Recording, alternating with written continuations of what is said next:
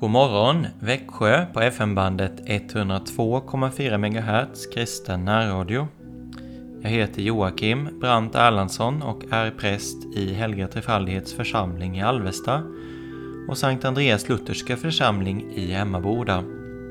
Vi lyssnar till Å min Jesus.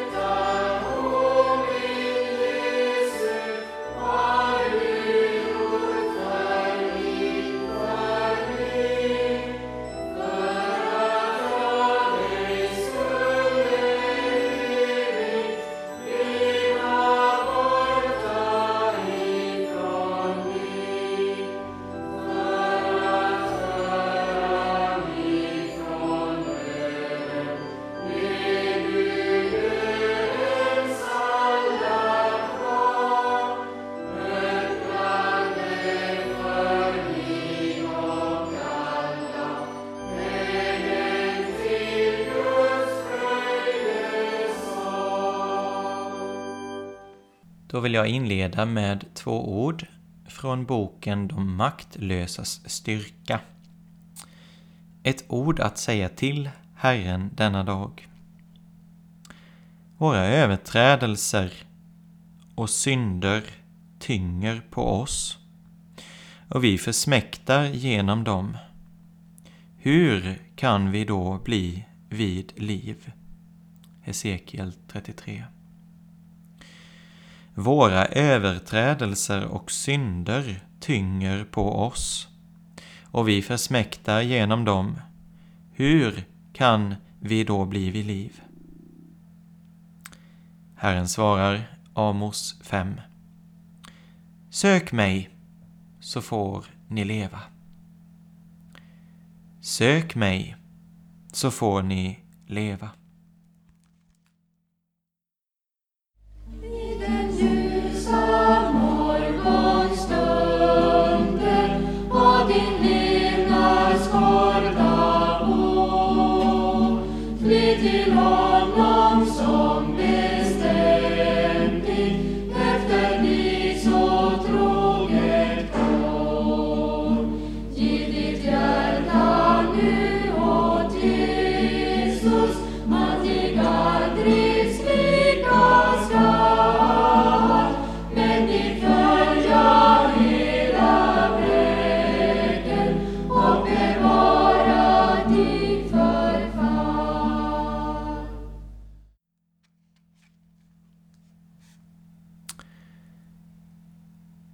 Två andra ord från denna bok. Ett ord att säga till Herren. I honom har vi förlossningen, förlåtelsen för våra synder. I honom som är den osynlige Gudens avbild och förstfödd före allt skapat. Kolosserbrevet 1. I honom har vi förlossningen, förlåtelsen för våra synder, i honom som är den osynlige Gudens avbild och förstfödd före allt skapat. Ni vet att han uppenbarades för att han skulle ta bort synderna. Ni vet att han uppenbarades för att han skulle ta bort synderna. Första Johannes 3. Jag läser ur Spis och föda som är utdrag ur Martin Luthers skrifter. Gud bevisar sin kärlek till oss genom att Kristus dog i vårt ställe medan vi ännu var syndare. Sant är att Gud hatar synderna och vill straffa dem, som lagen vittnar. Men nu måste vi bekänna att vi alla är syndare. När vi nu hör att Gud älskar människorna tänker vi genast på Johannes döparen, Petrus, Paulus och andra som varit mer gudfruktiga än vi. Mot detta strider här aposteln Paulus ord. Han säger inte bara att Gud älskar oss. Han beprisar också sin kärlek, som det stod i gamla översättningen. Det vill säga, han gör den så stor och tydlig att inte en människa bör kunna tvivla på den. Är det då inte att bevisa kärlek när han låter sin son dö för oss medan vi ännu var syndare? Hör och ge akt på det ordet och kom ihåg det. Det smärtar dig att du är en syndare, annars skulle du bättre kunna trösta dig av Guds nåd och vänskap. Men kära människa, låt säga dig och lyssna till aposteln Paulus som säger att Kristus dog för oss syndare. Vem är då Kristus? Han är Guds son. Vad gör han? Han blir människa och dör. Varför dör han? För syndarnas skull. Det måste betyda att Gud inte menar illa med syndarna. Han vill inte låta dem fördärvas för syndernas skull. Men han älskar dem så att han vill hjälpa dem från synd och död. Det är för deras skull han låter sin enfödde son dö.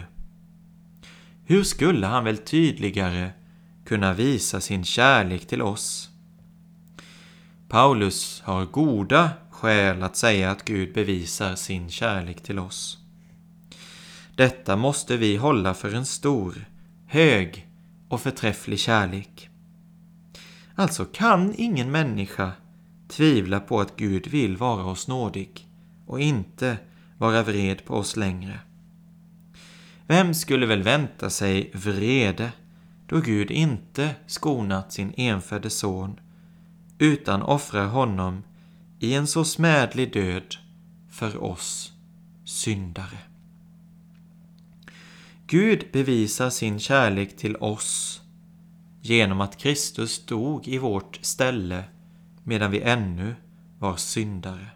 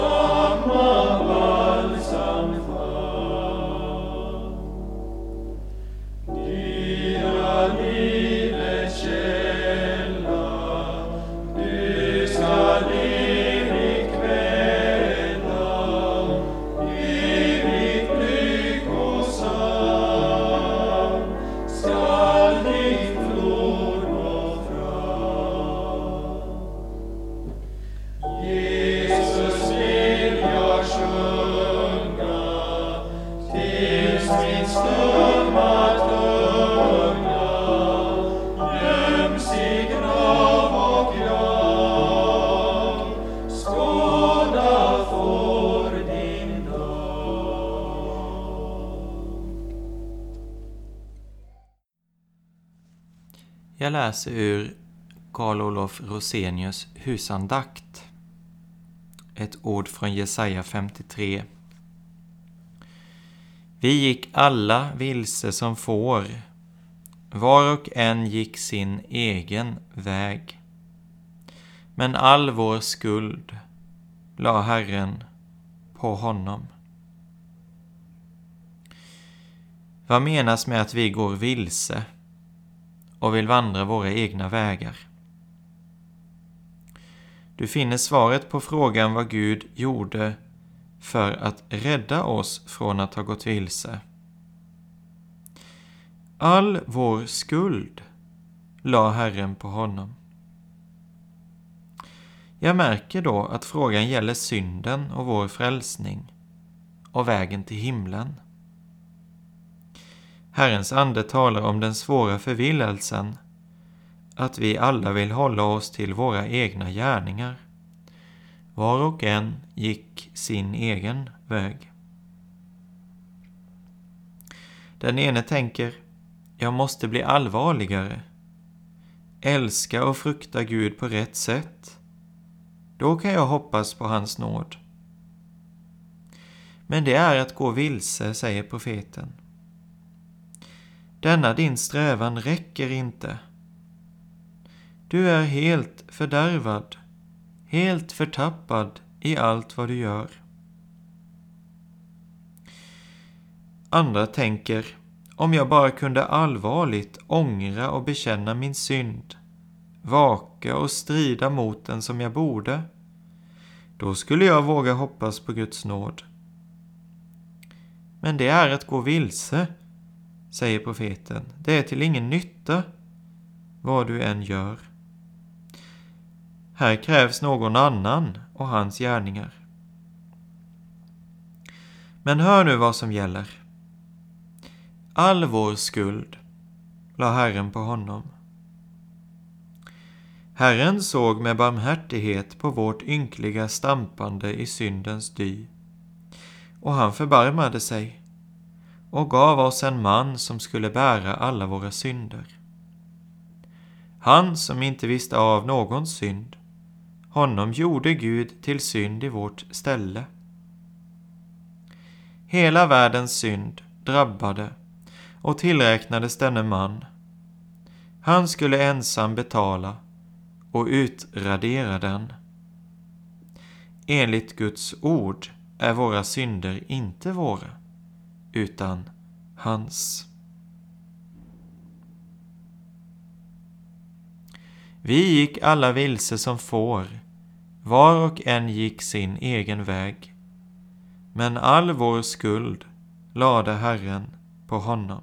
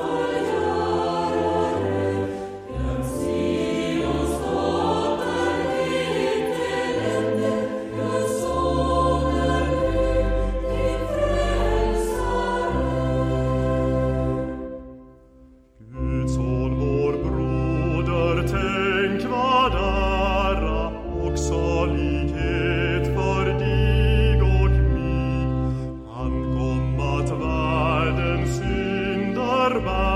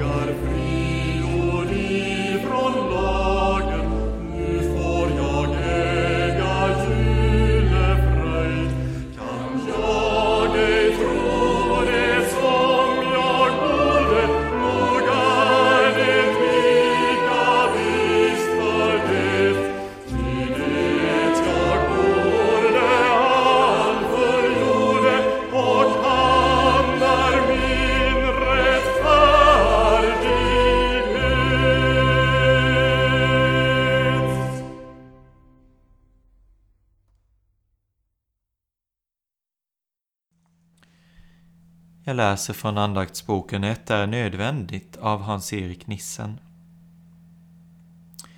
Ty för Kristi skull har ni fått nåd, inte bara att tro på honom, utan också att lida för hans skull. Det är skillnad på en tagen tro och en given tro. En självtagen tro är frukten av ett beslut. En sådan tro är viljans och förståndets sak. Det är en kall och död tro. Därför blir den också utan frukt.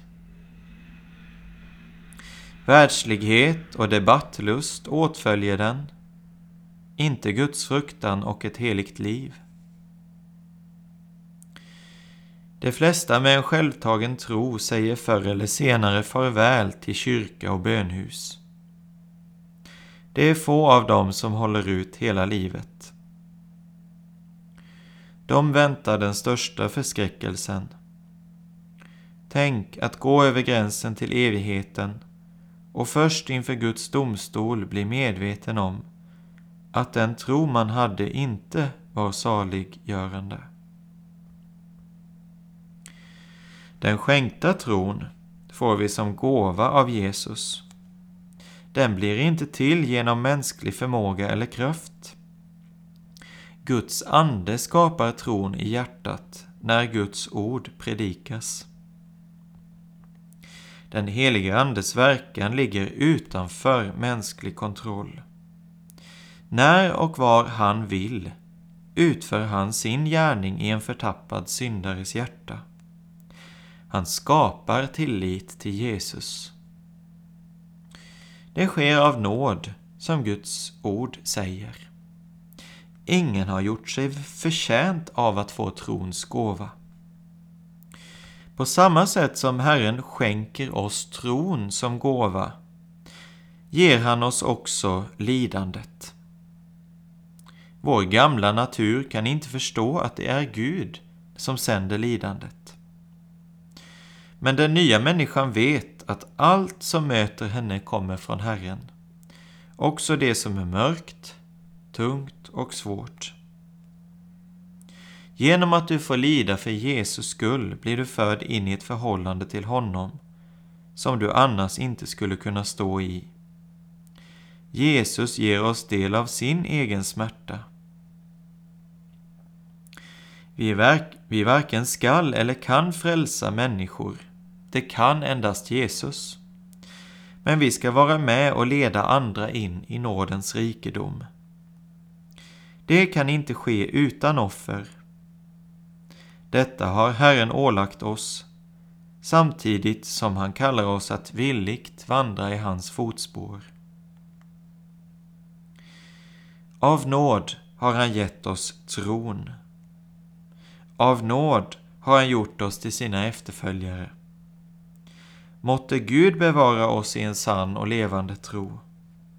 Måtte han hjälpa oss att inte leva själviskhetens liv, utan låta honom råda över oss och i våra liv. Ty för Kristi skull har ni fått nåd inte bara att tro på honom, utan också att lida för hans skull.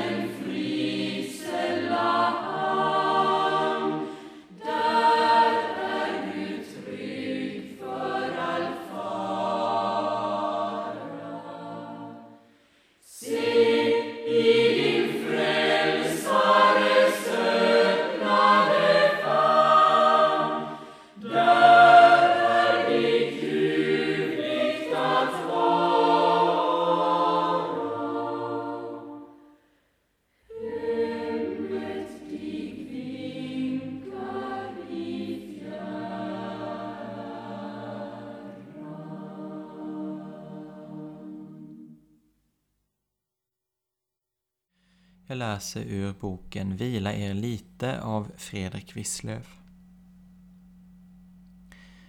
Detta är er stund och nu råder mörkrets makt. Detta är er stund och nu råder mörkrets makt. Mörkret är en makt. Det är inte bara en del av dygnet, ett tillstånd. Mörkret är något som lever, något som hypnotiserar, något som sträcker ut långa, osynliga armar och griper. Mörkret har väldiga krafter. Det som aldrig skulle kunna ske om dagen kan man nästan inte stå emot om natten. Mörkret är släkt med helvetet. Mörkrets makt är den ondes makt. Det var mörkrets makt som grep Jesus i Getsemane. Och genom den makten blev han pinad och dödad. Och till och med då Jesus dog vid middagstiden blev det mörkt. Akta dig för mörkret. Det rycker Jesus ifrån dig. Det är er stund, den stund då ni själva får råda, då det onda får göra sig gällande. Er stund och mörkrets makt. O Herre, befria mig från mörkrets makt. Inled mig inte i frestelse, utan fräls mig ifrån ondo. Herre, var du mitt ljus. Gör natten till dag.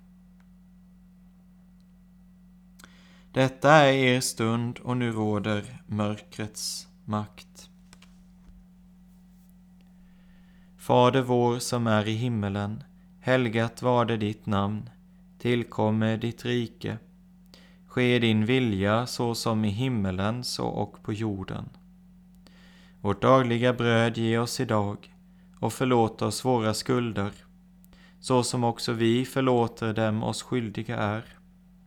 Och inled oss inte i frestelse, utan fräls oss ifrån ondo. Ty riket är ditt och makten och härligheten i evighet. Amen. Herren lever, välsignad vare min klippa, upphöjd vare min frälsningsgud.